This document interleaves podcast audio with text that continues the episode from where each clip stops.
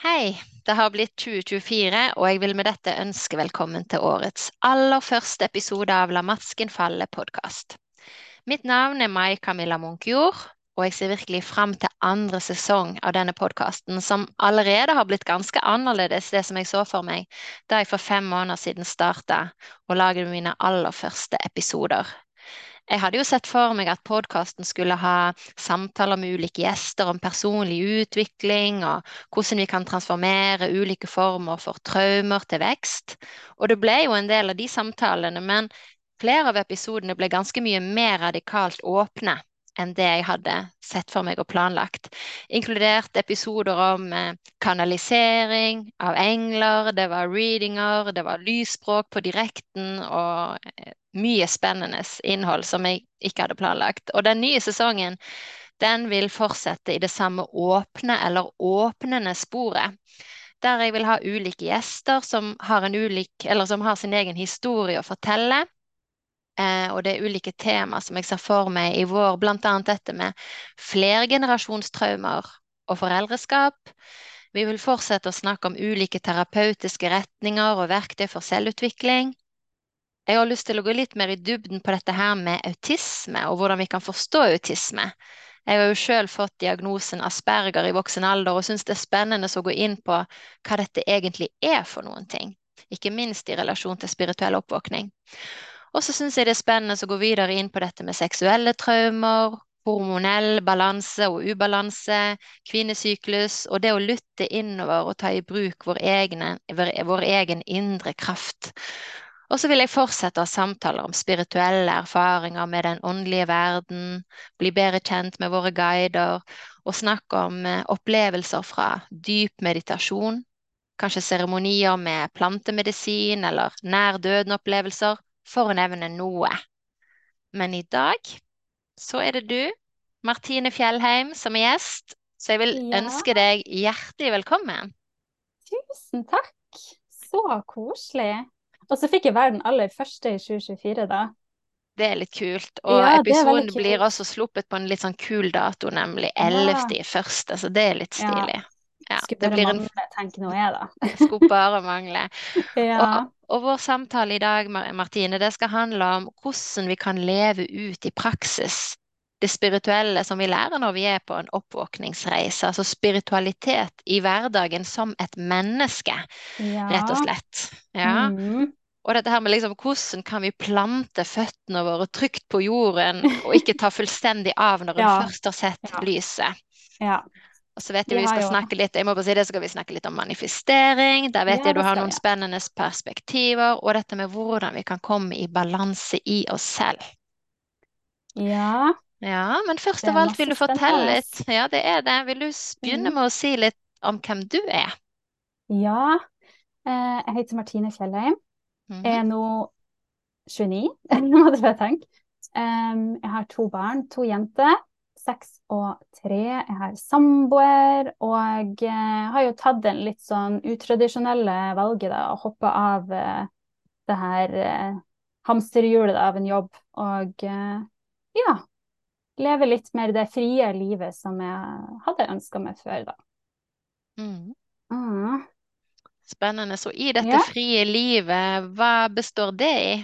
Vil du fortelle litt mer? Hvordan er arbeids, arbeids- og hverdagslivsuken din? Ja. ja. Um, nei, det henger jo veldig sammen med det temaet vi skal snakke om i dag, da, som er litt mer den her at uh, uh, når jeg først ble spirituell, så var jeg jo litt mer sånn uh, fast i en normal jobb. Og det jeg ønsket meg, var jo en litt mer fri litt mer frihet. Generelt det tror jeg alle sammen kjenner på. At man vil ha frihet, om det er i hverdagen, eller om det er økonomisk, eller om det er personlig, eller hva det nå er for noe. da.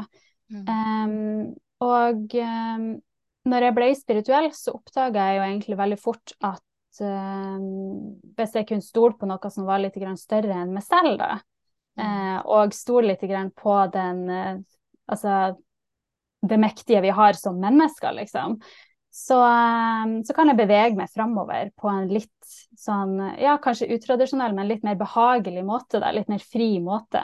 Mm. Som eh, Ja. Der jeg kan skape egentlig rett og slett mitt eget liv. Mm. Mm. mm. har du lyst til å si mer om det før vi liksom dykker virkelig ned i materien? Altså for hva, hvordan vil du definere liksom, ja, hva tjener du penger på, på en måte? Hva, hva er, vil du fortelle litt om det? Hvordan jobber du? Uh, ja, jeg, hva skal jeg si da? Jeg tjener penger på inspirert handling. Mm. Rett og slett. Mm. Enkelt og greit. Eh, og det skal vi jo snakke litt om. Eh, vi skal jo også snakke litt om manifestering her, som er noe som jeg syns er veldig spennende. Men jeg manifesterer jo på en litt kan vel kanskje si det på en litt annerledes måte enn andre gjør det. Mm. Eh, så inspirert handling eh, Når jeg kom litt mer i balanse i meg selv og åpna opp for inspirerte handlinger, så kom jo kreativiteten veldig sånn til stede i meg òg. Mm. Eh, og eh, det er Det er ikke skuffa, for å si det sånn, at den kreativiteten som kommer fram, òg er noe som genererer inntekt. Mm. Så det, generer, det, jeg tjener penger på, er jo veldig mye forskjellig. Fra veldig mange forskjellige kilder, kan man jo si det. Mm. Ja. Det blir kjempespennende å høre mer om det. Hvor har du lyst å, å, starte, Martine, når det gjelder dette her med Kanskje dette her med spirituell oppvåkning, og hvordan på en måte hvordan beholde beinene godt planta på jorden? Jeg tror at jeg har lyst til å bare fortelle litt om Først og fremst så har jeg veldig lyst til å si at uh, til alle som hører på, uh, og det er for så vidt uh, meg, Camilla, at man er nødt til å huske på at når man hører på andre snakke om ting sånn som det her, så, så det er veldig viktig for meg å fortelle at det her er min sannhet. Det her er sånn som jeg føler at ting er. Og om man ikke resonnerer med det som jeg sier, så er det helt i orden. Og ofte så kan man kanskje resonnere med noe som blir sagt, mm. og andre ting som man ikke resonnerer med. Så det er på en måte det første jeg har lyst til å si. Eh, er mm. at Ikke ta det som jeg sier nå som en sannhet, men det her er min sannhet, og du kan gjerne dele med meg hvis du vil. eh, mm. Det syns jeg er veldig viktig. Um, uh, og så kan jeg kan jo starte med å fortelle litt om måte min spirituelle start, hvordan det var for meg når jeg ble spirituell. Fordi at eh, Nå vet jeg ikke helt hvor mange av de som hører på her som er veldig spirituelle, men garantert noen, da. Uh, mm. Som kanskje kan kjenne seg igjen i at når man, når man først oppdager seg selv, og oppdager at det er noe som er større, og oppdager at det er noe som er i underbevisstheten og sånne type ting, så blir man litt sånn Kanskje litt opphengt i det. Eh, liksom, og litt sånn som jeg og du snakka om i stad, det der han ønsker om å bare vite ok, hvor kommer det fra, hvem jeg er. Litt, eh, man flyr litt sånn høyt der oppe, ikke sant. Man undersøker veldig mye, og det er englenummer, og man får vite at man er en starseed, man får vite at man er en alv og en jordengel og alt det her, liksom. Eh, at det er veldig sånn svevende. Mm. Uh, og det som de har rett og slett vist med da, altså mine guider, er jo det at det er òg uh, det er òg til for en grunn. De vil gjerne at vi skal sveve veldig høyt i starten, mm. for så å ground oss litt etterpå. Mm. Uh, fordi at manifestering og det som vi da føler som mennesker er veldig spennende, det fanger oss jo litt, ikke sant? Det gjør vi, det, ikke sant? Veldig mange syns jo at law of traction og manifestering og det at man er fra en annen galakse og har de og de evnene og egenskapene, de syns det er veldig spennende. Da. Så det er ofte veldig sånn fengende. Så ofte mm. så trenger vi litt å sveve litt der oppe før vi på en måte kommer og planter fotene våre litt ned på jorda. da. Mm. Um, og jeg var veldig der. Jeg var veldig svevende. Veldig. Uh, og um, jeg måtte gjennom en veldig god periode med spiritual bypassing, som jeg mm. skal også forklare litt om. Um, og det er jo rett og slett fordi at jeg måtte jo sikkert erfare en god del av det her for at jeg skulle kunne videreformidle det her til andre. ikke sant? Da har jeg vært der og opplevd det, og så har jeg planta føttene mine ned på jorda etterpå, og så kan jeg, kan jeg legge en liten tråd mellom de her to, da. Mm. Um, men det som jeg fikk vite, er jo det at jeg er uh, både det ene og det andre, skulle jeg si, men, men uh, viktigst av alt så er veldig de, Eller de sier at jeg er veldig earth-based. Mm. Jeg har en veldig sterk tilknytning til jorda. En veldig sterk tilknytning til moder jord. Eh, og jeg har en veldig sånn eh, Jeg har et veldig stort perspektiv på hvordan jorda fungerer, med tanke på at vi er en jordklode av eh, polaritet, hvordan det funker, eh, og eh, hvordan vi kan bevege oss på en måte framover som mennesker. da når at vi har kommet litt ned, litt ned fra, fra hybelen og planta oss litt, da. Mm. Um, Ja. Og så husker jeg at du snakka med hun Monica. Jeg hørte jo podkasten din med Monica. Mm. Da hun sa det at hun har en, eh, en gave som hun har båret med seg fra hun var lita, der hun kan se sjela til andre. Var det ikke det hun sa? Hun kan på en måte se beyond mennesket og se sjela deres litt. Mm. Var det ikke noe sånt? Jeg tror det. Ja. Eh, og jeg syns det er litt gøy at jeg og Monica på en måte har funnet hverandre. For jeg har båret med meg den gaven at jeg kan se gjennom mennesker se det indre barnet i alle. Mm. Så vi er veldig uh, rake motsetning av hverandre. Hun er veldig der oppe, jeg er veldig her nede. Og vi trenger begge delene så sårt, liksom. Uh, og vi trenger hverandre. Så det er veldig gøy å se at vi på en måte har funnet hverandre, og hvor fint vi passer inn i hverandre. da, At vi har en felles beskjed, liksom, rett og slett med at hun er der oppe og jeg er her nede. da.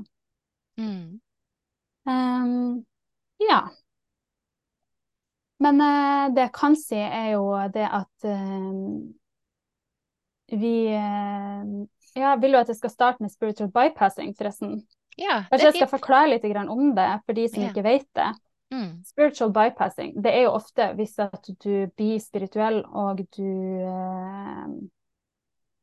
eh, Hva skal jeg si, da? Det går vel ikke an å si at du blir for spirituell, men det du gjør, det er at du skyver på en måte unna litt de menneskelige problemene og eh, menneskelige følelser og litt sånne type ting, da, og tenker at det hører ikke til den Det er en lavfrekvent energi, du vil ikke ta del i det, ikke sant? for du er oppe, og det skal bare være bliss og positivitet og sånne type ting. Mm. Um, eksempel på det kan jo være at du vil ikke se på nyhetene. Du vil ikke få med deg det som skjer i verden, fordi at det føles ubehagelig. Eh, du vil ikke se på reklame om Redd Barna fordi at det skaper en ubehagelig følelse inni kroppen din som du ikke vil ta del i. Eh, og tenke at det er en veldig sånn negativ energi som du ikke vil forholde deg til. Eh, det kan også være at man ikke tar ansvar. Jeg kan det, Jeg er ikke veldig stolt av det her, men jeg kan fortelle litt om hvordan det var for meg og Sula i starten, når jeg ble spirituell. Og det var at jeg var fryktelig dårlig på å ta ansvar. Veldig dårlig på å ta ansvar. Um, og um, kranglene våre kunne ofte være at uh, han kom til meg med et problem eller et eller annet som han ville ha, og så var jeg sånn Nei, nei, nei, det der er det problem. det der er noe du må jobbe med. Det handler ikke om meg, det handler om det. Jeg har mine problem, du har dine problem. Det der er en blokkering som, som du må deale med. Eh, så man på en måte dytter bort ansvar, og man sliter litt med å se og møte andre, da. Fordi at man tenker at vi er alle sammen individer som skal bare jobbe med oss selv. Og vi skal ikke være på en måte den her unitya av mennesker som vi egentlig er ment til å være. Så ofte så kan man få den følelsen av at eh, litt den her 'not my circus, not my monkey', liksom. Du, du styrer med dine ting, jeg skal styre med mine ting, da. Um, ellers så kan det jo også være um, Og nå håper jeg at ikke, noe at ikke noen uh, uh, syns at det er trist å høre, men uh, det kan også være f.eks. Um, når man først blir spirituell, så er det veldig mange som tror at de har en veldig viktig rolle i verden. Mm. En viktigere rolle enn andre. Mm. Ikke sant? For vi som mennesker, vi er jo eh, kanskje skapt litt sånn med tanke på at vi har et medprogrammert ego inni oss da, som gjerne vil skinne og gjerne vil være viktig. At når vi får vite at vi er en del av noe som er så stort og mektig, eh, så vil vi gjerne være den som er mektigst. Den som har den største rollen, den som har den, eh, en cool purpose. Mm. Eh, og da kunne jeg huske at jeg fikk vite i en reading at ja, Martine, du er en starseed, du er en arcturian, men du er også en jordengel. Og jeg var sånn Jordengel, det høres kjempekjedelig ut. Jeg bare, jeg går, jeg sier at jeg er en arcturian i stedet, for det høres mye kulere ut. Mm. Så jeg var sånn um, uh, Vil jeg ikke forholde meg til det som jeg syns hørtes litt sånn ukult ut, da. Så um, det tror jeg òg er en veldig sånn menneskelig del av oss som jeg tror veldig mange kanskje føler på når de blir spirituelle, at de leter etter sånn, den store purposen de skal gjøre for verden. Stor endring. Kan du kjenne deg igjen i det? Um, jeg vet ikke om at jeg har hatt så behov for at det skulle være så stort i grunnen, men jeg, Mm. jeg føler nok at jeg har eh, Jeg føler jo at jeg skal skrive disse bøkene mine som en del av meg Mm. ikke har lyst til å skrive, på en måte, men det, ja, sånn, så jeg vet ikke om jeg Ja. Det vet ikke helt. Nei, jeg kan huske at jeg hadde også en reading, eh, og jeg ba om Men det var faktisk med Monica, når jeg tenker meg om. Eh, og hun var sånn eh, Ja, du har noen gaver her. Eh, og så begynte hun på en måte prate med meg om det at vi ofte, vi mennesker, liksom tenker at en gave skal liksom være så ekstravagant, det skal liksom være så stort, det skal liksom være så viktig, og du kan se gjennom veggen, eller du kan se eh, gjennom, tvers igjennom mennesker, eller du kan gjøre det selv usynlig, eller liksom sånt. da. Mm. Men um, min o store gave var at jeg er nysgjerrig. Mm. Liksom, jeg ble så skuffa. Jeg bare Herregud, noe så kjedelig. Skal jeg bare få være nysgjerrig, liksom? Mm. Um, så vi vil gjerne at det skal være veldig stor, at det skal være veldig sånn ekstravagant. At purposen vår skal være å, liksom, å, så viktig. Um, men det er ikke alltid det som er tilfellet, da. Um, og det er ingen som er mer viktig enn bedre enn andre. Hierarki er jo også skapt av mennesker. Det finnes ikke hierarki. Ingen engler er liksom above and beyond liksom noen andre. Source Mm. energy er ikke sterkere enn den andre. Det, hierarki det er ikke noe som finnes der. Mm. Um, så um, ja. Ellers så kan det være alt av, uh, alt av følelser og tanker og sånn som vi på en måte dytter ifra oss, som gjør at vi får alle disse ubehagelige følelsene. Mm. Jeg hadde en uh, mentorkunde her uh, som For jeg er også mentor. Mm. Og da snakka vi bl.a. om penger. Og så sa hun det til meg at de hadde det veldig vanskelig økonomisk, um, og, men at hun syntes det var så ubehagelig å sjekke liksom, kontoen sin, da, som er jo veldig forståelig. ikke sant? Men hun sa men hver gang jeg sjekker kontoen og jeg ser at det er tomt, så, så bare tenker jeg liksom, på hvor mye overflod jeg har, eller hvor mye overflod jeg har, og liksom skifter det til noe positivt. da. Så det prøver liksom å på en måte dekke det til med liksom, ta kontakt i den positive energien.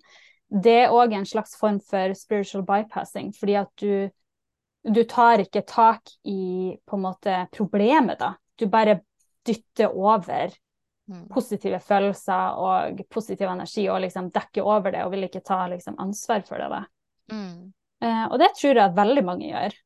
Mm. At mange ikke klarer helt å forholde seg til de ekle følelsene og tenker at hvis jeg bare praktiserer takknemlighet litt ekstra, eller eh, fokusere på den positive energien, da, så skal det på en måte på mirakuløst vis bare poff. Mm. Mm.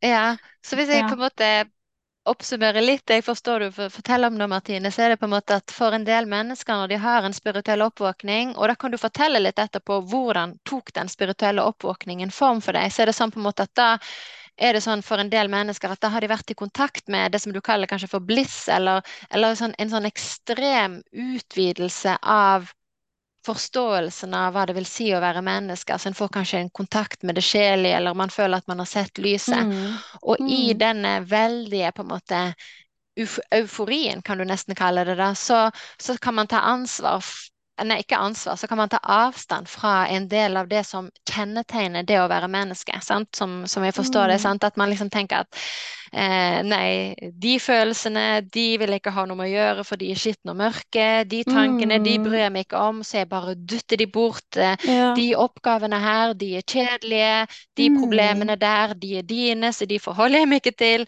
Og, Ja. og så på en måte også at man på en måte har gjerne det litt sånn det som jeg vil kalle for et spirituelt ego, et, et behov for å være viktig, for å ha store talenter og gaver, og det å virkelig liksom skulle ha en sånn lederrolle og gå foran i flokken og vise vei, på en måte. Man kan ha en Ja. del sånne type utfordringer. Og så Mm. på et eller annet tidspunkt da, så krasjer man litt i det, på si, den spirituelle veggen, da, fordi man kanskje forstår at oi, jeg er faktisk menneske. Sånn at det jeg skal øve meg på, det er å leve sant som menneske. Og hvordan gjør jeg det?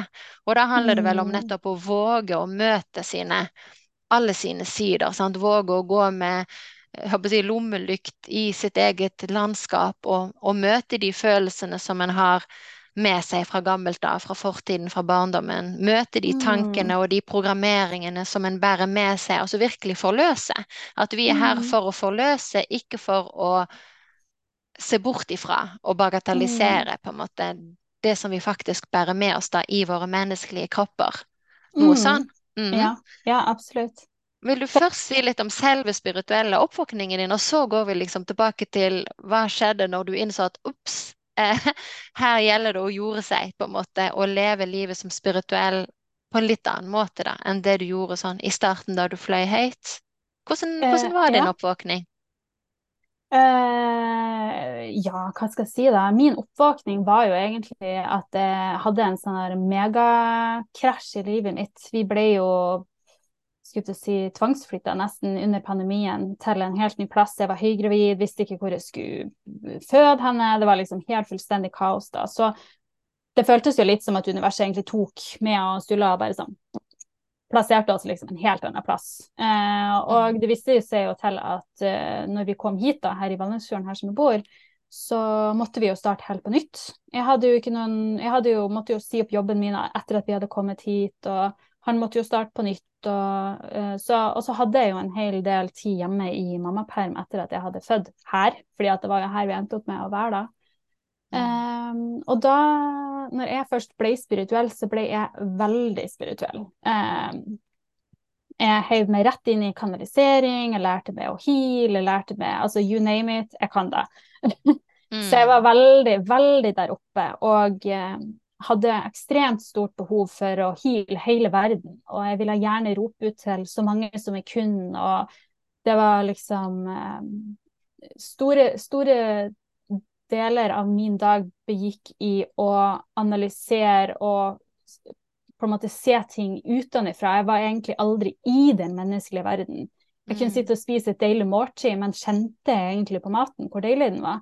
Mm. Eller var tankene mine i det store åpne, liksom? Jeg var veldig høyt oppe. Mm. Um, så Men jeg trengte nok å være litt grann der, for jeg krasja ned, eller kom jeg planta litt ned på jorda etter hvert, da. Mm. Så ja.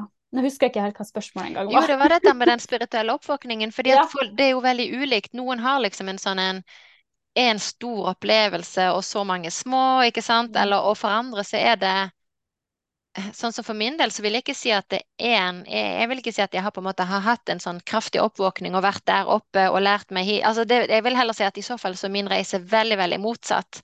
At det på en måte begynner med eh, At jeg vil si på en måte at for min del at det kanskje begynte med det der veldige krasjet i veggen for tre og et halvt år siden, der jeg erklærer meg syk og utbrent.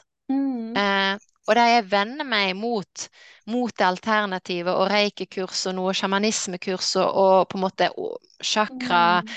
eh, Liksom forstå sjakrasystemer chakrasystemer og energisystemer. Men det, det begynner med en sånn der forsiktig banking på ulike, eller forsiktig, uforsiktig, freidig for så vidt, da, banking på ulike kurs, men der jeg Mm. har en veldig, veldig motstand mot å erfare, en veldig frykt mot å erfare, og der jeg på en måte egentlig knapt nok erfarer, på en måte, vil jeg si, eh, noen ting som helst. Og jeg er veldig usikker på ja, jeg henger fullstendig fast i mine programmeringer, egentlig. Og, Mm. og, og henger fast i, i fortiden, og henger fast i traumene, og skjønner jo etter hvert at Og skjønner da etter hvert at jeg faktisk er traumatisert, og så starter jeg da med å nettopp jobbe med traumene, og lag på lag på lag på lag på lag på lag på lag. Og i det arbeidet med traumer så erfarer jeg etter hvert at Ja. jeg får hjelp til å forløse. Mm. Og liksom Mm. Og at jeg får drømmer, og at jeg får setninger, og plutselig så skjønner jeg at en del av det jeg skriver, ikke kommer fra meg, hvis du skjønner. sant? Sånn at det, Mm. liksom, det blir veldig, veldig veldig forsiktig. Så så hører jeg på en måte Jeg får nuss i at, at dette her med starseed og sånn, men jeg, jeg, jeg går ikke inn i det, jeg bare observerer det fra Mm. utsiden. På lik linje som så får jeg en autismediagnose, jeg bare ser på det. Jeg får vite Ja. at jeg er reflektor, jeg bare ser på det.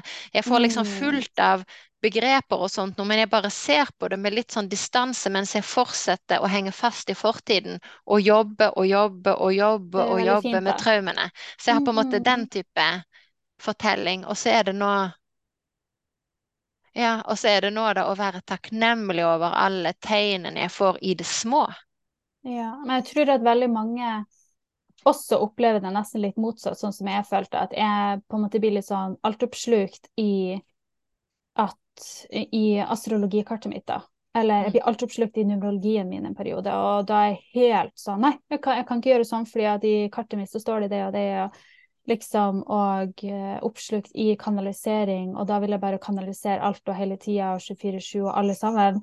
Ja. Eh, og så healing, da vil jeg heale uh, både dyr og mennesker og tre og liksom, altså at, at, uh, at, jeg opplever litt den der at jeg nesten putter meg selv inn i en boks, ikke sant. Så jeg har måttet på en måte jeg har måttet tatt, gjort, litt, gjort litt sånn som det, bare omvendt. Jeg har måttet tatt avstand fra ting og lært meg å se ting litt på avstand. Mm. Eh, og tatt til med ting som resonnerer. Eh, mm. Og det er jo en ting som jeg har lært fra mine guider òg, der de sier at alt sånn som tarot og pendel og astrologi og numerologi og human design, og egentlig òg reading fra andre, er ting som er ment å hjelpe. Det er ikke noe du skal leve etter. Mm. Ja. Så det er noe som jeg har virkelig måttet ta med meg, at OK, det er et hjelpeverktøy gitt til oss, mm. men jeg skal ikke få reading av Mai Camilla, og så skal jeg slavisk gjøre det hun sier. Eller mm. jeg skal ikke se på kartet mitt i Human Design og leve som det kartet, liksom. Um, ja, jeg tenker det er kjempeviktig. Og var det på en måte, for din del, da var det et vendepunkt der du kjente at Oi, nå skaper jeg begrensninger. Sånn som du forteller nå. Altså, du ser at du skapte egentlig begrensninger for deg selv ved å, ved å feste deg, på en måte identifisere deg for, for sterkt da, med f.eks. å være Octorian eller å være slik og sånn, og så inntil du plutselig så at jeg kan jo være alt dette samtidig. Altså, sant? At du, du, trenger egentlig ikke å begrense deg sånn og sånn, men du får lov å være mm. alt samtidig. Og du kan være alt samtidig kanskje lettere hvis du da forankrer deg tilbake i i morsrollen og i konerollen og i mentorrollen og i på en måte den menneskelige, materielle tilværelsen der du kan mm. nyte maten din og hvis du lengter etter det, følge med litt på nyhetene, på en måte. At det er greit å leve ja, på den måten. Jeg tror at øh, Og øh, vendepunktet til meg var faktisk når pappa døde. Mm. Og det er jo ikke mm. veldig lenge siden, det var jo i april i fjor. Yeah. Eh, hvor um, det kom jo Han døde jo veldig uforventa, men han døde veldig langsomt. han, var, mm. han, var, veldig treisk, så det var han jo faktisk helt til han døde. Uh, så det tok han jo faktisk uh, Eller det tok han sju dager å dø, det er jo litt feil å si, men det tok syv dager ifra han eh, hadde uhellet da, til han faktisk døde. Um, og på de syv dagene så opplevde ikke jeg døden hans som et menneske. Jeg var veldig mye der oppe. Prøvde å snakke med han, prøvde å finne ut av hva som skjer liksom, på andre sida. Og jeg kanaliserte og skrev og styra. Eh, og egentlig observerte mine søsken som satt i sorg, ikke sant? For de skulle jo miste sin pappa. Men jeg var liksom helt oppi eh, og, og inni her, ikke sant. Jeg var ikke i den menneskelige kroppen og mista min pappa da. Og det var en ting som jeg måtte gjennom før jeg på en måte forsto at hallo, du er jo skapt for å være et menneske. Du er putta inn i en kjøttkropp på en polaritetsjord. Eh, du, skal, du skal være her, ikke sant. Og det var egentlig en opplevelse som jeg skulle gjennom som et menneske. Så jeg måtte egentlig sørge hans død etter at han var død. Mm. Jeg måtte egentlig sørge bortfallet, altså at han døde, etter at han var død. Mm. Fordi at jeg var ikke der til stede når han faktisk døde, som et menneske, da. Mm. Jeg ikke jeg, jeg, jeg, gikk liksom glipp på en måte av den opplevelsen da.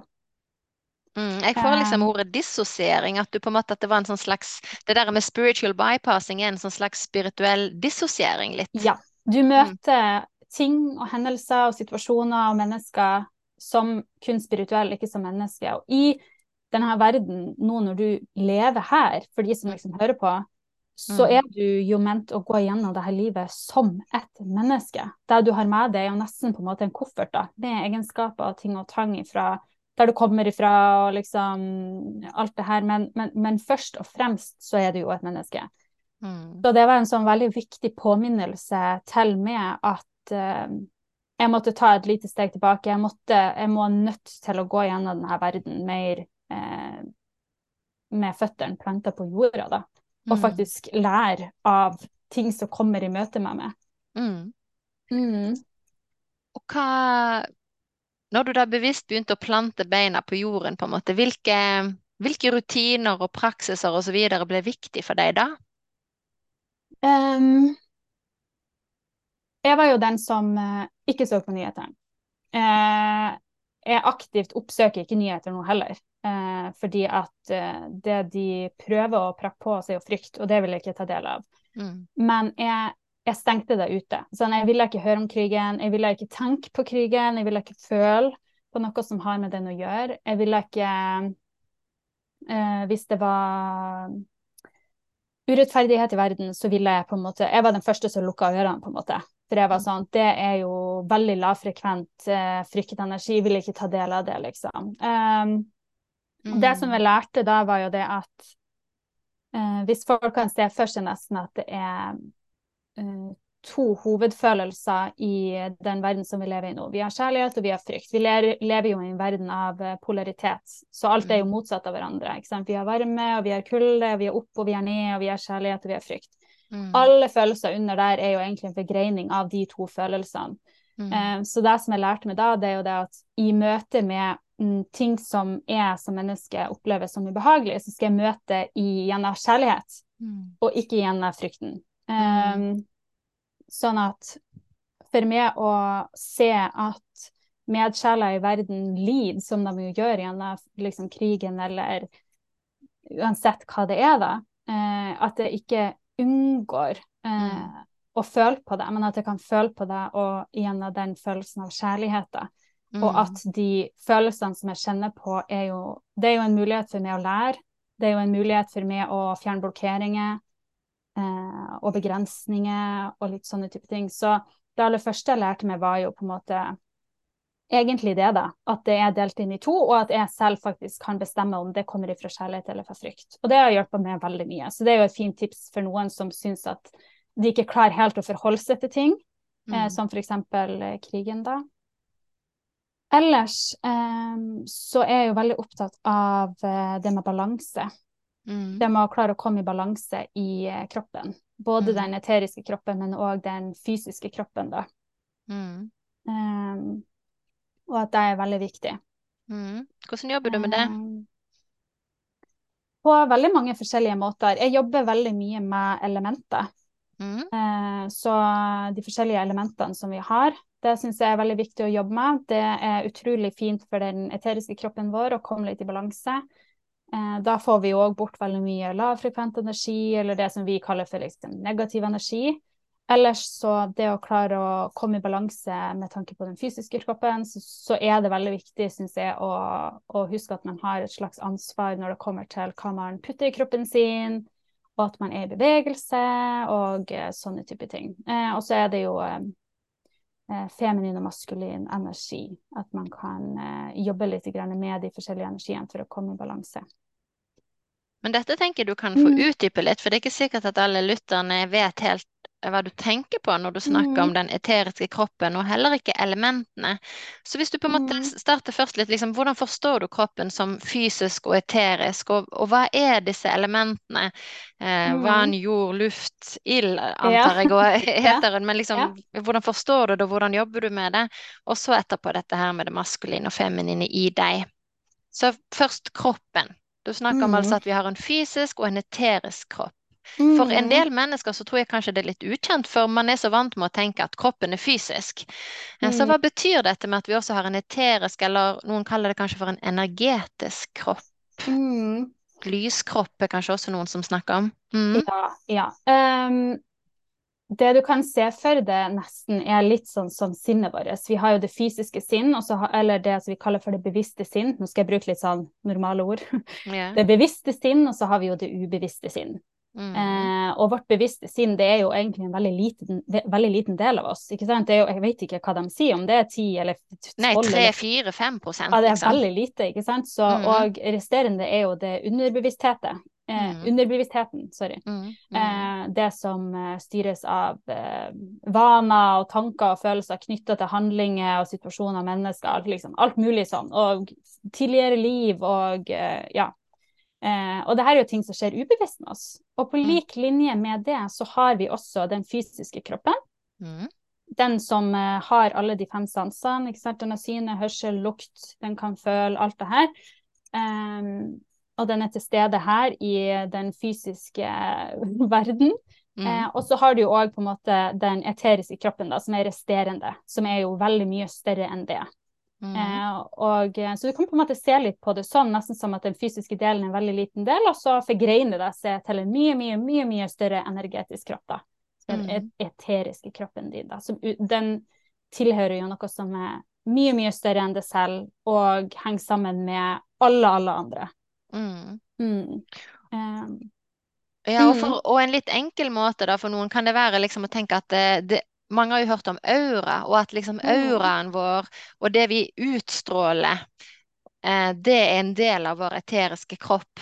Og så kanskje for eksempel, og at eh, Og en annen enkel måte vil kanskje være liksom å tenke at eh, denne eteriske kroppen eh, inneholder all informasjon om oss da, i, utenfor både tid og rom. Jeg vet ikke om det er litt komplisert, men i alle fall så tenker jeg nå jeg sånn da, at denne eteriske kroppen inneholder utrolig mye informasjon om den vi er, både her og nå, og tilbake og fremover i tid. Sånn som du sier, da, alt det Mm. ubevisste, på en måte. Sånn at liksom ved å koble oss på den eteriske kroppen, og kanskje på en måte reparere skal vi si, sår og skrammer i den eteriske kroppen, så får vi det som fysiske kropper også bedre. Har du jobba liksom Mm. litt sånn bevisst?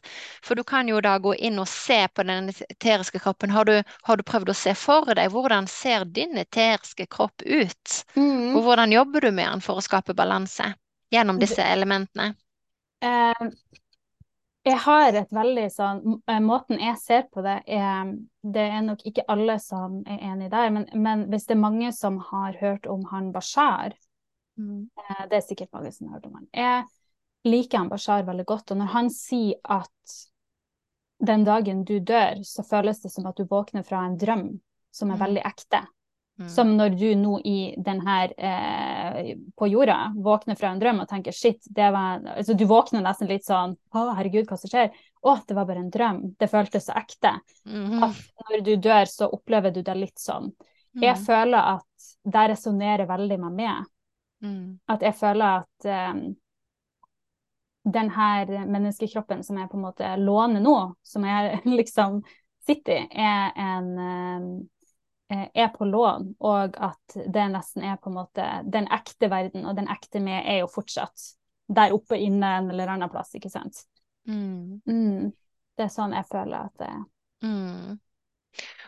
Og at eh, Og dette her, da Mange er jo opptatt av liksom eh, dette med at vi har en sjel. Vil du se at sjelen da er en del av den eteriske kroppen? Mm. Mm. Absolutt. Ja. Men at vi har tilgang. Og så er det liksom dette her da med Det er vel kanskje det som skjer under en spirituell oppvåkning, at man opplever at vi er mer enn den fysiske kroppen. Altså at det finnes noe mer, og at, at vi kanskje ikke bare er den fysiske kroppen, men at vi er dette mer, som, som, som da lever et liv i denne fysiske kroppen. Som om det er Mm. et, eh, la oss kalle det et transportmiddel da, som tar oss Mm. med fra fødsel til død, Mm. og som gir oss mulighet til å ha de erfaringene som vi har gjennom livet. At Ja. den fysiske kroppen er det transportmiddelet for oss. Veldig. Ja, det er en veldig fin måte å se på det.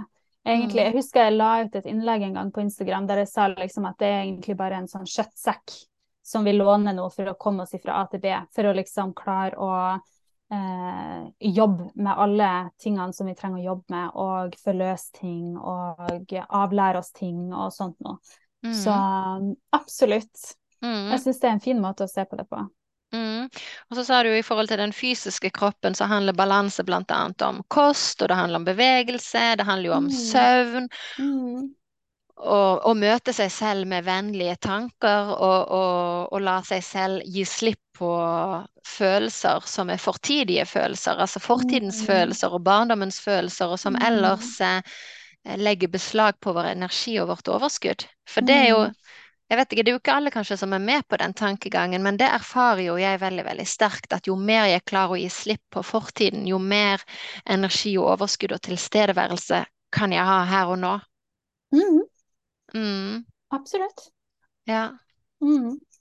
Har du også erfart eh, det en del nå, etter at du da på en måte, etter at faren din døde, og du har kobla deg mer på her og nå, har du da hatt mange runder med å måtte gi slipp på, på ting du trodde du var ferdig med, men som du faktisk hadde mer lag igjen av i kroppen din? Å ja, herregud. Det er jo eh, Jeg tror jo aldri at vi kommer til mål. Altså, jeg tror det, det er ingen det, det, vil jeg bare si til alle som hører på, at det er ingen Du kommer ikke inn noen mållinje her liksom i løpet av denne eh, tida di på jorda.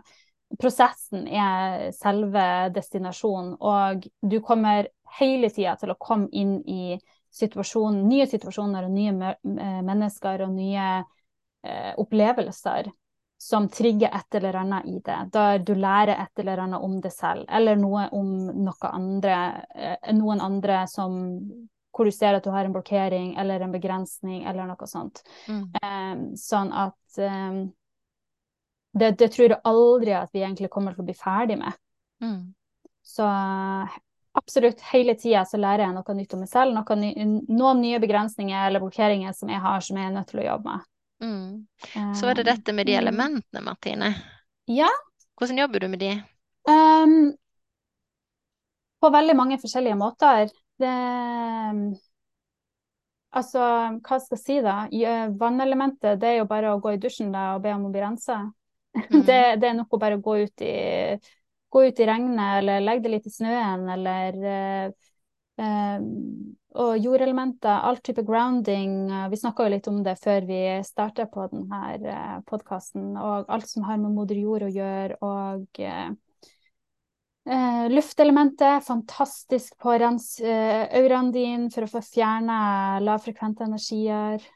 Uh, Ildelementet, stå i sola. Bruk sola til å fjerne lavfrekvente energier. Eh, bruk eh, ildelementet til å eh, trekke til det f.eks. inspirerte handlinger og kreativitet ligger jo der. Så det er masse måter man kan bruke de forskjellige elementene til å få litt mer balanse i kroppen. Mm.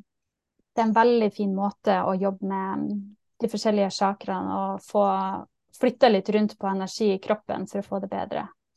Mm. Så sånne type ting syns jeg er veldig viktig når man skal bevege seg gjennom uh, det her livet. At man kan uh, Sånne type hjelpeverktøy da, å ta til seg. Eh, fordi at det er et veldig Det er et element som er, tilhører kun jorda. Det er mm. på en måte veldig sånn De fire elementene er veldig sånn Eller det finnes jo element i andre jordkloder og galakser, det er ikke det, men det er de fire elementene er ment å hjelpe oss på en veldig viktig måte, da. Mm, kjempespennende. Mm. Vil du si noe om hvordan du jobber da med disse elementene i forhold til å få balanse i det feminine og maskuline? For det har du òg nevnt litt om. Ja. Um, hvis det er noen som kjenner at de er i ubalanse i det feminine og det maskuline um, Det aller første jeg ville ha gjort, er jo egentlig å jobbe litt med å balansere den fysiske kroppen. Mm. Og se over kosthold, hva du får i det. fordi det er veldig mye energier i både kosthold og hvordan du beveger det, og stagnant energi i forskjellige ting. Eh, så å skape rom for at du tar vare på den fysiske kroppen din, syns jeg er veldig viktig. Um, og så, ja, hva skal jeg si, Vil du at jeg skal på en måte gi eksempel på hva de kan gjøre for å komme i balanse, da, eller? Mm, og eventuelt hvordan du har kommet i balanse sjøl. Jeg kan jo si for min egen del, mm. så har jeg hatt, eh, så skjønner jeg at jeg har hatt veldig veldig, veldig mye maskulin energi. Ja, og, og ja. på en måte skjøvet vekk mye av den feminine siden, den sårbare siden. Eh, på en måte Jeg vet ikke helt hvorfor, men det har jo bl.a. med min barndom og min traumehistorie å gjøre, som har ført til at jeg har tenkt at eh, her må det handles, og det må på en måte, jeg må være bestemt, og jeg må være tydelig, og her har mm. jeg Jeg kan bare stole på meg selv, og liksom Den type tankegang da har nok gjort at jeg har blitt veldig sånn ja, sterk maskulin energi og på en måte ja. mye, mye svakere feminin energi. Og så etter min burnout da, så har jeg jo øvd meg på eh, på dette med hvile og næring og tilstedeværelse og legge sli, gi slipp på, på si, rigiditet og planlegging og kontroll og styring. Og jeg vil jo mm. egentlig si at jeg har gjort en sånn ganske dramatisk eh, reise da, fra å være mm. sånn hyperakademisk, superkontroll, maskulin styrt, ja, ja, til å på en måte nå risikere Eller til at jeg, jeg vet ikke hvordan 2024 blir, liksom. Eh, jeg er i ferd med å gå ut av akademia, og det meste er helt åpent. Og bare lene seg inn Ja ja, nummer én er å Hvordan syns du det er, da? Syns du det, syns du det er ubehagelig? Syns du det er skremmende? Jeg må innrømme at jeg syns ikke det er så skremmende, for jeg har bare sånn veldig tillit til at det ordner seg. Ja. Det ordner seg. Ja. Det ordner seg til det bedre, og ikke, ikke minst fordi at når vi da var på dette retreatet som du organiserte i Spania, Martine, Mm. så, liksom, så ble det så tydelig for meg at jeg skulle ha fokus på fløyelsmyk kjærlighet. Og liksom, Ja, ja. Fløyelsmyk, smaragdgrønn kjærlighet. det er det jeg vil ha. Mm. Det er det jeg bruker manifestere, da, hvis en skal si det begrepet. Altså, det. Det beveger jeg meg mot. Og jeg vet ikke Mm. akkurat hvordan, men jeg vet bare at det er det jeg gjør. Og så har jeg tillit til at selv om jeg da ikke helt ser Mm. liksom, hvordan jeg beveger meg dit, så bare vet jeg at det er dit jeg er på vei, og så bare merker jeg og erfarer jeg jo nå at Ja. jo mer jeg er villig til å gi slipp, Mm. um, jo mer blir jeg overrasket. Ja. Altså, sant? Så, så for det, det ene etter det andre radikale valget jeg tar, får en helt annen konsekvens enn det jeg trodde det skulle få. Mm. Eh, og det er jo utrolig spennende, så så ble jeg bare helt sånn satt ut av takknemlighet, fordi at når jeg stengte den døren, så selvfølgelig visste jeg det skulle åpne seg en ny dør, men wow, at det var den døren, skjønner du? Og så bare oh my god, tusen takk. Ja. Så jeg får Fordi hele tiden det ja. er fantastisk, fordi at det skjer som regel ikke på den måten man tror.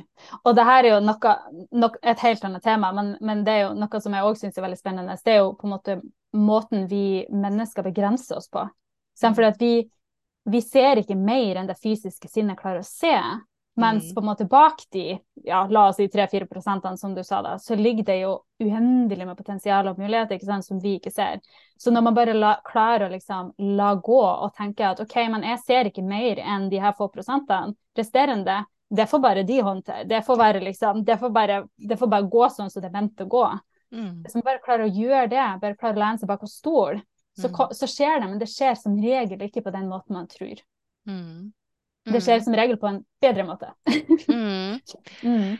Og i forlengelsen av dette, sant? så nå jobber jo jeg da mot å få en bedre balanse mellom det feminine og det maskuline, Ja. og det tror jeg har, er positivt både for meg selv og for mine nærmeste og for mine omgivelser, ikke sant? Fordi at jo mer balanse jeg kommer i, Mm. jo mer balanse kan også de rundt meg være i, og de kan gå mer Mm. i naturlig, sånn som Vebjørn da, eh, Ja. som jeg er gift med, han kan Ja. da mer naturlig være mann og være Ja. maskulin og være den som jeg kan lene meg på hvis jeg tillater Ja. det. Og jeg innser jo nå Mm. at jeg ikke har tillatt det, fordi jeg ikke har Mm. tillit til det. sant? Og så må jo Mm. jeg øve meg i å ha tillit. Så hvis du vil liksom snakke litt i Mm. forlengelsen rundt det, da, hva, hva er egentlig det feminine og det maskuline som vi nå snakker om, og Mm. hvordan kan vi jobbe med å få bedre balanse mellom det feminine og maskuline i oss selv?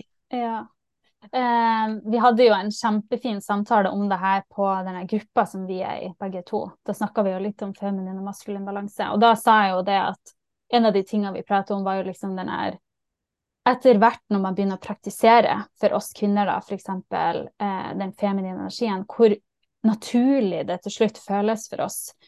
Og når vi bare gjør det og tillater oss selv å tre inn i den rollen, så ser vi at det på en måte nesten faller naturlig på plass for partneren vår òg. Fordi at han for han så er det veldig naturlig å være det maskuline, hvis han bare får lov. Ikke sant? Um, nei, det feminine og det maskuline det er veldig spennende. Men det, det du kan si, da, det er jo det at vi er jo, vi er jo bygd opp uh, i, i ei tid som nå er på tur å liksom endres, der vi går ifra det maskuline til det feminine. Der vi skal klare å tillate oss selv å eh, være mye mer i ro. Eh, komme i kontakt med intuisjonen vår. Eh, det er jo en stor ting som vi nå går gjennom. Og ved at vi kommer i det feminine, mer i det feminine Vi skal jo være på en måte både maskulin og feminin. Mm. Men at vi eh, kvinner prioriterer å komme mer inn i det feminine, åpner jo opp for at vi kan òg være mer kreative. Ikke sant? Mm. Så, um, det er så mye, det er så mange dører som åpner seg når vi bare lener oss litt bakover og klarer å, å ta imot den feminine energien, som kan være ekstremt skremmende for mange, fordi at vi er vokst opp til å føle at vi, vi trenger å ha kontroll, vi trenger å vite hva som skal skje rundt neste sving, vi må gjerne ha svaret på A, B, C, D. Mm. Um, og når man ikke har en partner som eh, står ved vår side og kontrollerer hva som skal skje rundt neste sving og A, B, C, D, så er det jo òg veldig skremmende. ikke sant? For da er man veldig sånn Skal jeg sveve inn i mitt feminine, og så har jeg ikke en partner ved min side som kan være i det maskuline? Hvordan skal det skje? Eh, og det er da man er nødt til å forstå at du kan gjøre din del så langt som det fysiske sin kan, eh, og så må du på en måte la det gå. Og så må du på en måte stole på at det er noe som er høyere enn det, som har, har svaret på eh, Eller har løsninger på alle dine problemer, da. Mm. Så det der med overgivelse og tillit Veldig mye. Og så er det òg noe med det å klare å være eh, Spesielt i parforholdet. Det med å klare å åpne opp for det sårbare og Mm. emosjonene som kommer. Eh, fordi at vi som en feminin energi er ment å holde rom for alt som har med det feminine Nei, alt som har med emosjonene å gjøre. mm. Eh, vi styrer jo på en måte fra hjertet hvor emosjonene våre ligger. ikke sant? Så vi holder jo rom for andre. Så det med omsorg, eh, også og egentlig nytelse eh, Og veldig mange tenker liksom å, en feminin kvinne er liksom en sånn her pertentlig, ordentlig, søt, liten kvinne. Men en, en, en kvinne i kontakt med sitt feminine kan være en skikkelig wildcat. Eh, fordi at hun har liksom Du overgir det ikke bare til noe større, men du overgir det liksom i kroppen din òg. Så alt av nytelse, sex, er veldig naturlig, og eh, ja Følelsene knyttes veldig mye opp mot den fysiske berøringa, omsorgen og kjærligheten du har, da.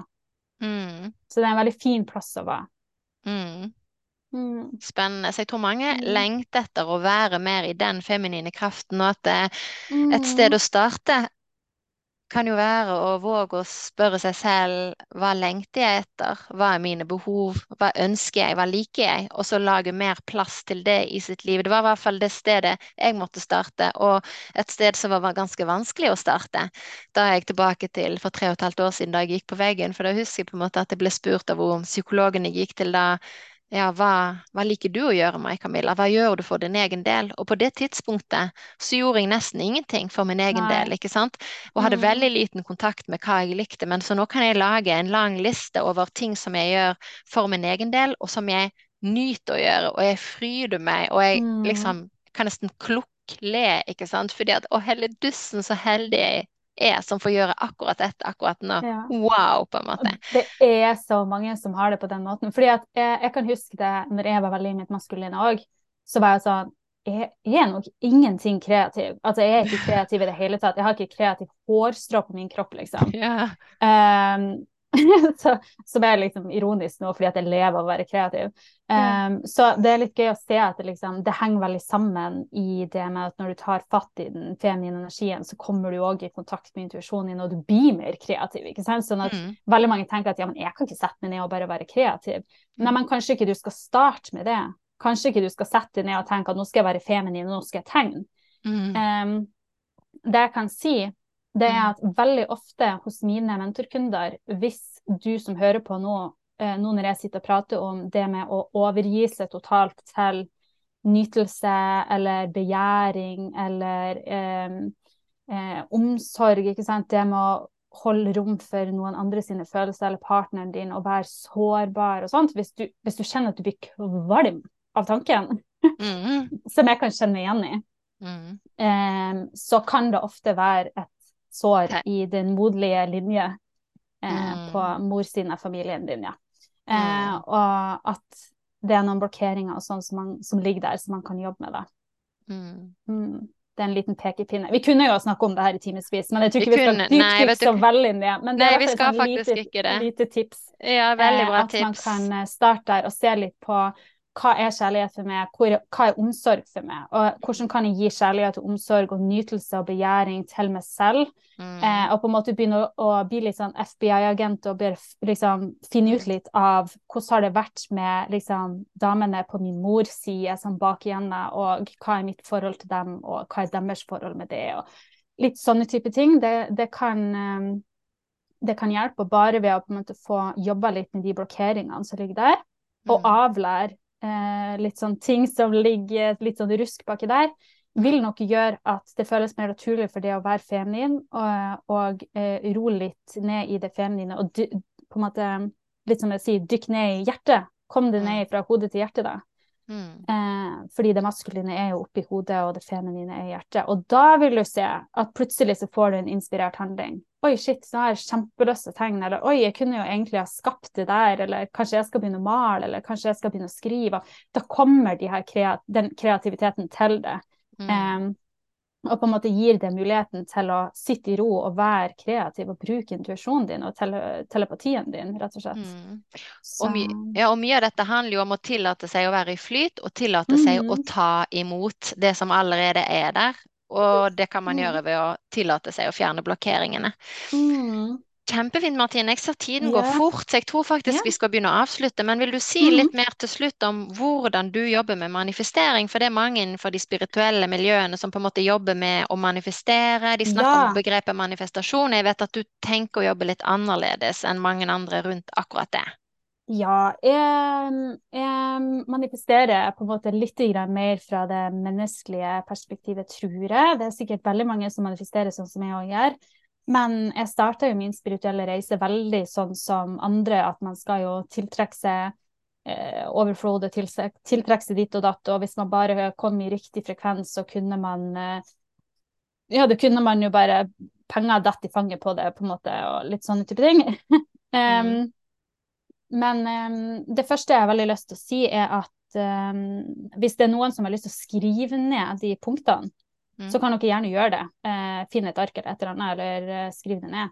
Mm. Uh, for det er litt grann å huske på da. Mm. Men um, det aller første jeg har lyst til å si, er bare en liten påminnelse til alle, siden vi skal begynne å avslutte, er at du er nødt til å huske på hvor mektig du er som menneske.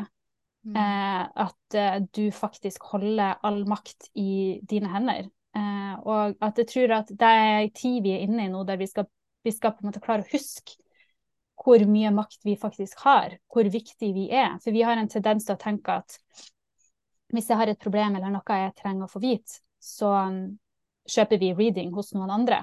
Men Mm. egentlig, nå er vi kommet inn i en tid der vi er ment å forstå at vi har så mye av den egenskapen inni oss. Vi har en intuisjon som er helt insane. Vi må bare huske det. Vi må Mm. bare kan bruke det. Mm. Um, og at um, fri vilje er jo gitt til oss, og det er jo en av de mektigste redskapene man kan ha. Du har fri vilje til å faktisk skape det livet du vil ha. Det er jo det fri vilje er. Det er din føderett. Du kan gjøre akkurat hva du vil. Mm. Eh, og at det òg er, tror jeg da, er en tid vi er inne i nå der folk begynner å forstå at man har muligheten til å skape det livet som man vil ha. Mm. Eh, men ja. Manifestering. Mm. Um, sånn som jeg ser på det, så er ikke vi meint å tiltrekke oss overflod og tiltrekke oss penger og mennesker, muligheter og sånne type ting. Eh, jeg mener at du har alt. At alt er tilgjengelig til det.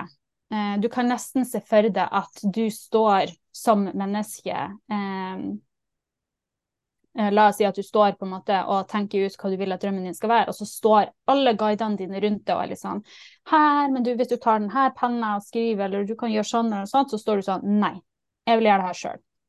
Nei, men jeg kan hjelpe deg. Du har alt her. Vil du ha bilen? Vær så god. Nei, jeg skal gjøre det her selv. At det er Den egentlige meninga er at du skal bare avlære og fjerne alle blokkeringer og begrensninger som stopper deg fra å motta det du allerede har tilgjengelig. Mm. Det er ikke meninga at du skal gå ut der og hente til deg, Mm. eller tiltrekke deg det. Eller hvis du bare tenker nok på det, så kommer den drømmen nærmere og nærmere og nærmere. Men Mm. du er nødt til å fjerne alle blokkeringene og avlære alle de tingene da, som på en måte nesten som en vegg står mellom det og din drøm, da. Mm. Sikkert veldig mange som syns at det er veldig kjedelig å høre. Men ja, hvis du skal skrive ned, um, så ville jeg skrevet nummer én Mm. Jobb med den eteriske og den fysiske kroppen din, sånn som vi har snakka om før. Og få balanse i det feminine og det maskuline. Mm. Hvis du er veldig mye i det maskuline, kom det inn i det feminine. Det er no steg nummer én hvis du skal mani manifestere noen ting. Kom inn i balanse. Nummer Mm. to, når du har kommet inn i balanse, og du begynner å få de her inspirerte handlingene og de her kreative handlingene som du ønsker å gjøre, ikke still noen spørsmål. Bare kjør på. Og gjør dem.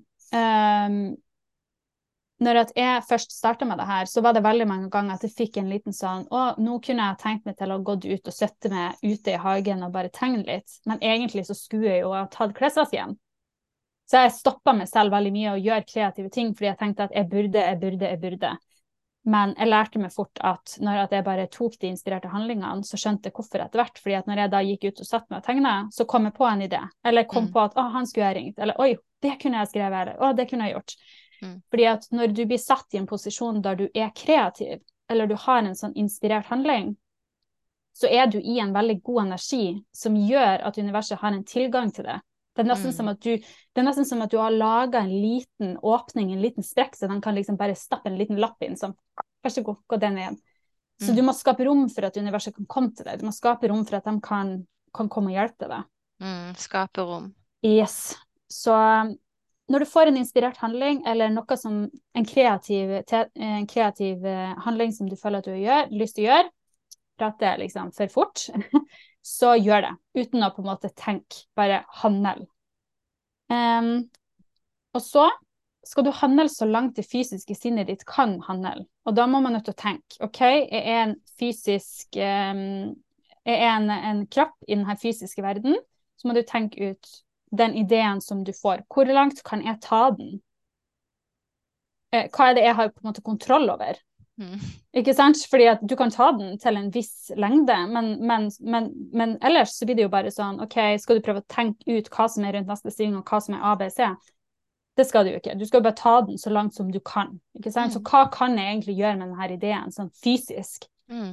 før jeg ikke kan ta den lenger? Du skal mm. gjøre så mye som du bare kan.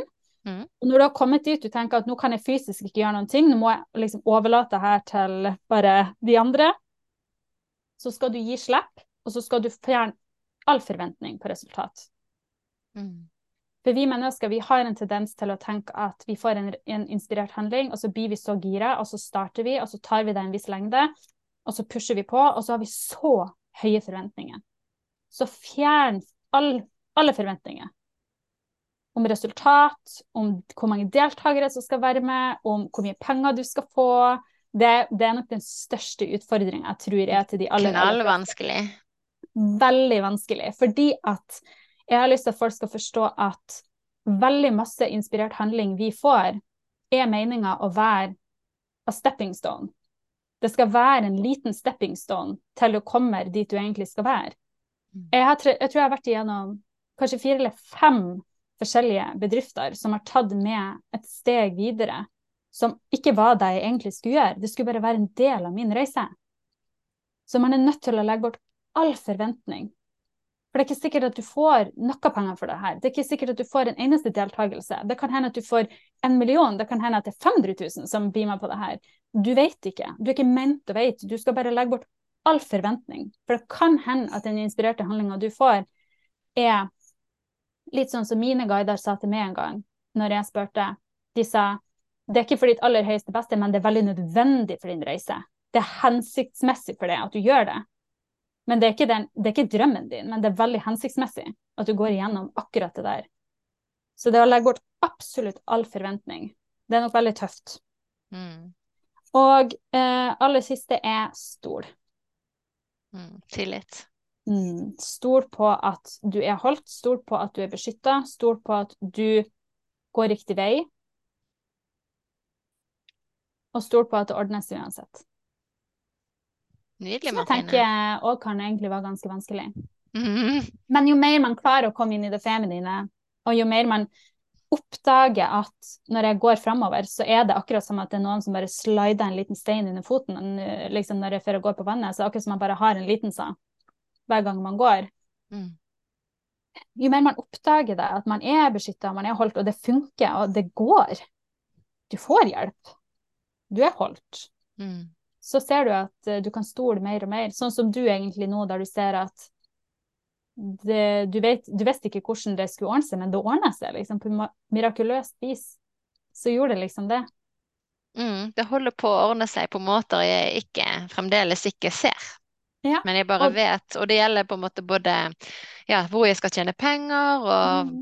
privatliv, parforhold, parforhold. Det aller meste er litt opp i luften, og så bare liksom så vil det lande på best mulig måte. Og det er greit at jeg ikke vet hvordan. Men, Ja. men det er veldig artig det du sier, da, at å ikke ha forventninger til antall deltakere og inntjening og sånn. sant? Fordi at Mm. egentlig så har jeg veldig sånn OK, men da tar jeg det skrivekurset til våren, og da trenger jeg i hvert fall minimum sånn og sånn, fordi at da har jeg i hvert fall noe inntekt. Og det er da liksom å våge å si at eh, Ja. det må bli som det blir, og om så Ja. tjener jeg ingenting, og bare stole på at hvis jeg Ja. tjener ingenting der jeg har tenkt, så antageligvis så kommer det en annen inntekt et annet sted, og bare Mm. Ja, det kjente jeg. OK, skal øve på Ja. det. Ja. Det er ikke tror det, lett. Mm. det, er, det er den, eh, nok den det tøffeste for oss når det kommer til det med manifestering. Og det Mm. her er jo det her er nok veldig kjedelig. Det her er jo ikke på en måte å skrive ned ønskene dine og brenne deg og kaste deg i ovnen og si hubba bubba, og så skal liksom tingene bare lande i fanget på det. Så det er nok veldig kjedelig eh, for mange å høre, men det her er Det er rett og slett sånn jeg har manifestert hele mitt liv. Eh, og jeg går framover uten å egentlig vite hva jeg skal gjøre i morgen, uten å egentlig vite hva som skjer rundt neste sving. Mm. Og jeg tror at når du bare starter på denne reisen, og du gjør litt sånn som du gjør, erfarer at det alltid ordner seg, så blir det lettere å stole, det blir lettere å forstå, det blir lettere å se at du er beskytta og du er holdt av. Mm. Mm. Veldig, veldig fint. Jeg syns det her var utrolig, en utrolig fin samtale, Martine, og du har delt mange viktige innsikter. Og jeg tenker helt til slutt, for de lytterne nå Mhm. som tenker at de vil eh, vite mer om hvor de finner deg og dine tjenester, hvor, eh, hvor kan de finne deg? Um, da kan du finne meg på Instagram. Mm. Martine Fjellheim heter jeg på Instagram. Mm. Det er nok kanskje den letteste måten. Ellers så um, er du jo velkommen til å melde på retreat i 2024, som vi skal ha Mm. i, eh, forhåpentligvis i høst. Så det er bare å slide inn i min DM. Akkurat nå, per nå, så har jeg ikke åpning for coaching eller eh, mentortimer. Eh, Men det er nå bare å følge med der. Så eh, kanskje jeg åpner etter hvert. Mhm. Mm. Veldig bra. Da skal jeg Ja. legge inn um, si, lenke til eh, ja, Martine Fjellheim på Instagram, så finner de deg. Og retreatet har jo jeg vært med på i 2023. yes, det kan jeg anbefale det på det sterkeste. Det var utrolig fint. Det der med søsterskap og kvinnefellesskap og, og liksom komme bort og, og finne sin egen energi sammen med andre og lære, Mm. lære noen nye ting, gi fra seg noen ting man ikke trenger å bære på lenger, det er utrolig Mm. kraftfullt. Mm. Mm. Jeg, jeg, kan, eh, jeg kan si meg enig der. Mm. Ja. Tusen, tusen takk for at jeg fikk komme. Ja. Det var veldig hyggelig. Takk for at du ville komme. Så med det, Mm. med mindre, har du noe du vil si helt til slutt? Hvis ikke skal vi runde av. Um, husk på at din aller, aller største rolle her på jorda er egentlig bare å være menneske. Så finn gode venner, spis god mat, ha det gøy, se en gøy film. Kjenn at det du gjør, gir mening. Jakt etter de gode følelsene, jakt etter ting som gir deg takknemlighet. Um, ja. Husk at det er lov å ha det gøy selv om det skjer um, negative ting i verden. Det er nok elendighet, og det er nok negative følelser, så at du har det bra er mye mer viktig enn du tror. Så at du gjør ting som gjør at du har en god følelse, det er, spiller en veldig, veldig viktig rolle i eh, hvordan verden utvikler seg akkurat nå. Ja. Mm. Det syns jeg var en veldig fin avslutning, Martine. Så Ja. tusen hjertelig takk for den oppfordringen. Den skal jeg sjøl ta på største alvor. Ja, så bra. Og til, så bra, ja. Og til dere lyttere så vil jeg gjerne si på gjenhør. Ha det bra.